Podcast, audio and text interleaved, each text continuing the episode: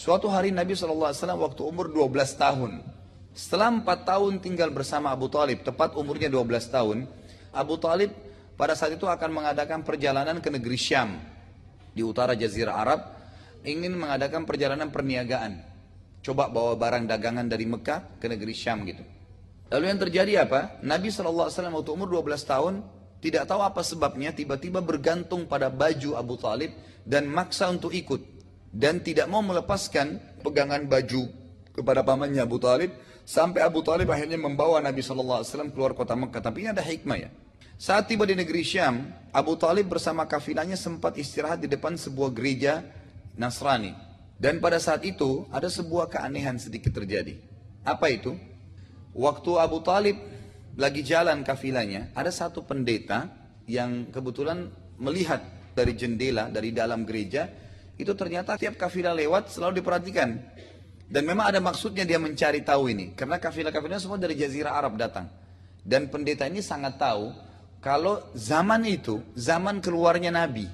Jadi setiap kafilah dari jazirah Arab selalu diperhatikan sama dia dari jendela gereja. Biasa saja. Sampai datang kafilahnya Abu Talib ini. Dia dikagetkan ternyata kafilah itu dinaungi oleh awan. Jadi kafilah ini lewat, lagi panas di padang pasir, itu tertutup dengan awan. Maka dia penasaran, pasti ada apa-apa nih. Lalu dia utus pembantunya, gulamnya, kemudian suruh manggil kafilah itu. Suruh singgah, disuruh hidangkan makanan sebanyak mungkin agar mereka mampir di gereja. Maka dipanggillah. Mampirlah Abu Talib dengan teman-temannya semua. Lalu pada saat itu mereka menitipkan Nabi SAW untuk menjaga barang-barang mereka. Jadi Nabi SAW disuruh jaga barang, umurnya 12 tahun. Suruh duduk di situ. Waktu mereka sementara makan, pendeta ini terus perhatikan satu persatu wajahnya. Rupanya ada sesuatu yang dia ingin cari, tapi dia lihat tidak ada apa-apa. Biasa saja, orang-orang ini biasa gitu. Lalu pendeta ini bertanya, apakah masih ada orang yang tidak ikut dengan kalian? Maka Abu Talib bilang, ada. Ada satu anak kecil, itu anak saya. Maka pendeta itu bilang, di mana dia? Ada di barang-barang kami di luar. Pendetanya keluar. Dipanggillah Nabi SAW masuk ke dalam gereja. Nabi SAW pun masuk, begitu masuk, langsung pendeta ini duduk dan memperhatikan wajah Nabi SAW, lalu bertanya kepadanya. Dia bilang, saya tanya kepadamu atas nama Lat dan Uzza. Apa itu Lat dan Uzza? Nama dua patung yang disembah di Mekah. Jadi orang Quraisy ini kalau sumpah pakai nama itu. Kan tidak boleh sumpah atas nama patung gitu. Waktu itu pendeta ini ingin menguji Nabi SAW. Lalu Nabi SAW mengatakan apa? Jangan engkau sebutkan nama kedua benda tersebut karena itu sesuatu yang sangat saya benci. Nabi SAW memang ada kecil tidak pernah sembah berhala gitu. Lalu pendeta ini penasaran. Ditanya lagi, mana ayahmu? Nabi SAW mengatakan, ayah saya sudah meninggal. Ibu kamu di mana?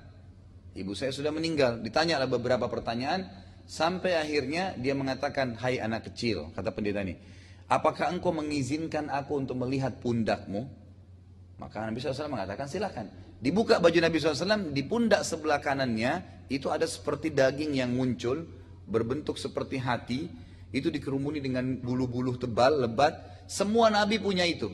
Itu namanya simbol kenabian. Di pundak sebelah kanan, daging seperti muncul, warna merah, dipenuhi dengan bulu, dan itu semua nabi punya itu.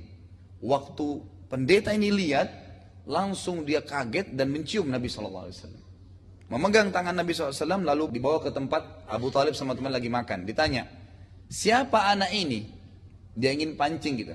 Abu Talib bilang, ini anak saya. Kata pendeta itu, tidak mungkin anak ini punya ayah.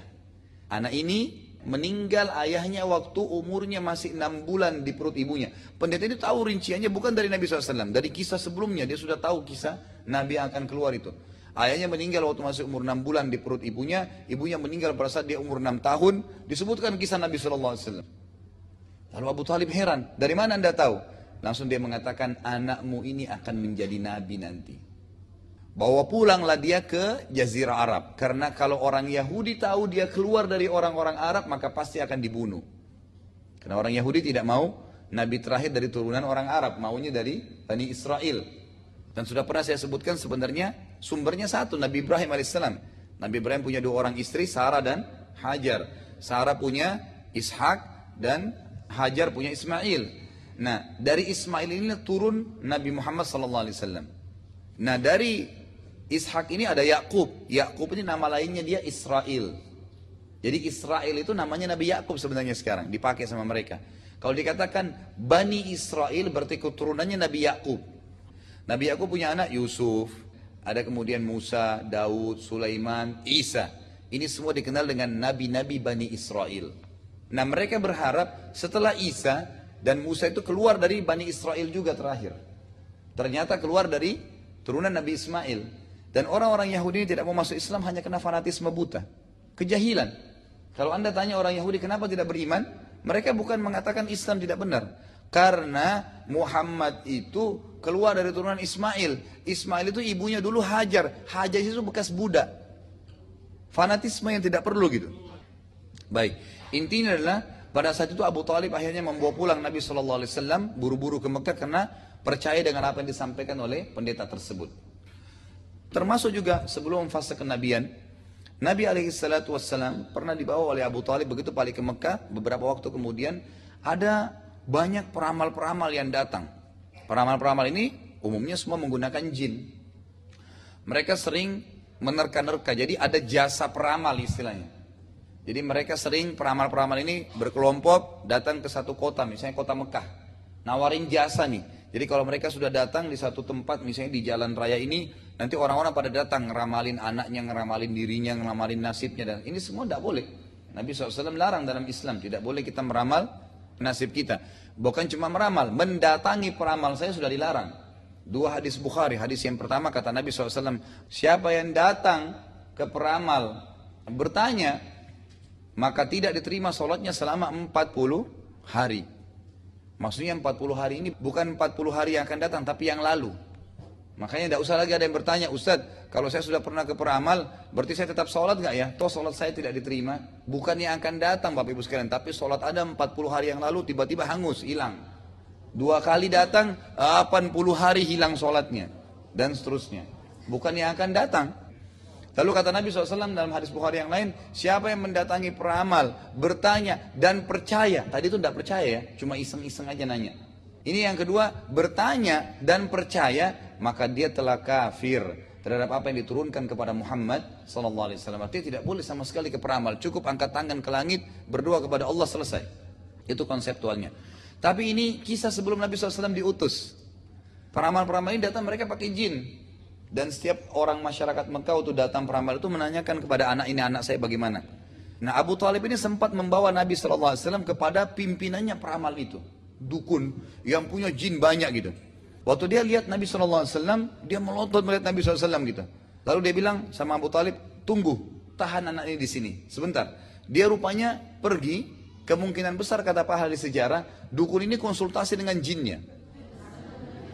Dia pergi, kemudian dia kembali, Abu Talib waktu lihat kejadian tersebut, belum pernah peramal lakukan kegiatan itu. Biasanya langsung dia tebak, oh, orang ini begini nanti, umur begini akan terjadi begini. Karena jinnya yang menyampaikan. Maka apa yang terjadi? Abu Talib membawa lari Nabi SAW. Keluar dari situ, peramal itu kembali mengatakan dengan suara keras, mana anak tadi di sini itu? Anak itu nanti akan punya peran yang sangat besar menguasai dunia ini. Jadi kata peramal itu. Tapi Abu Talib sudah sembunyikan. Ini di antara kisah yang diangkat oleh para ahli sejarah.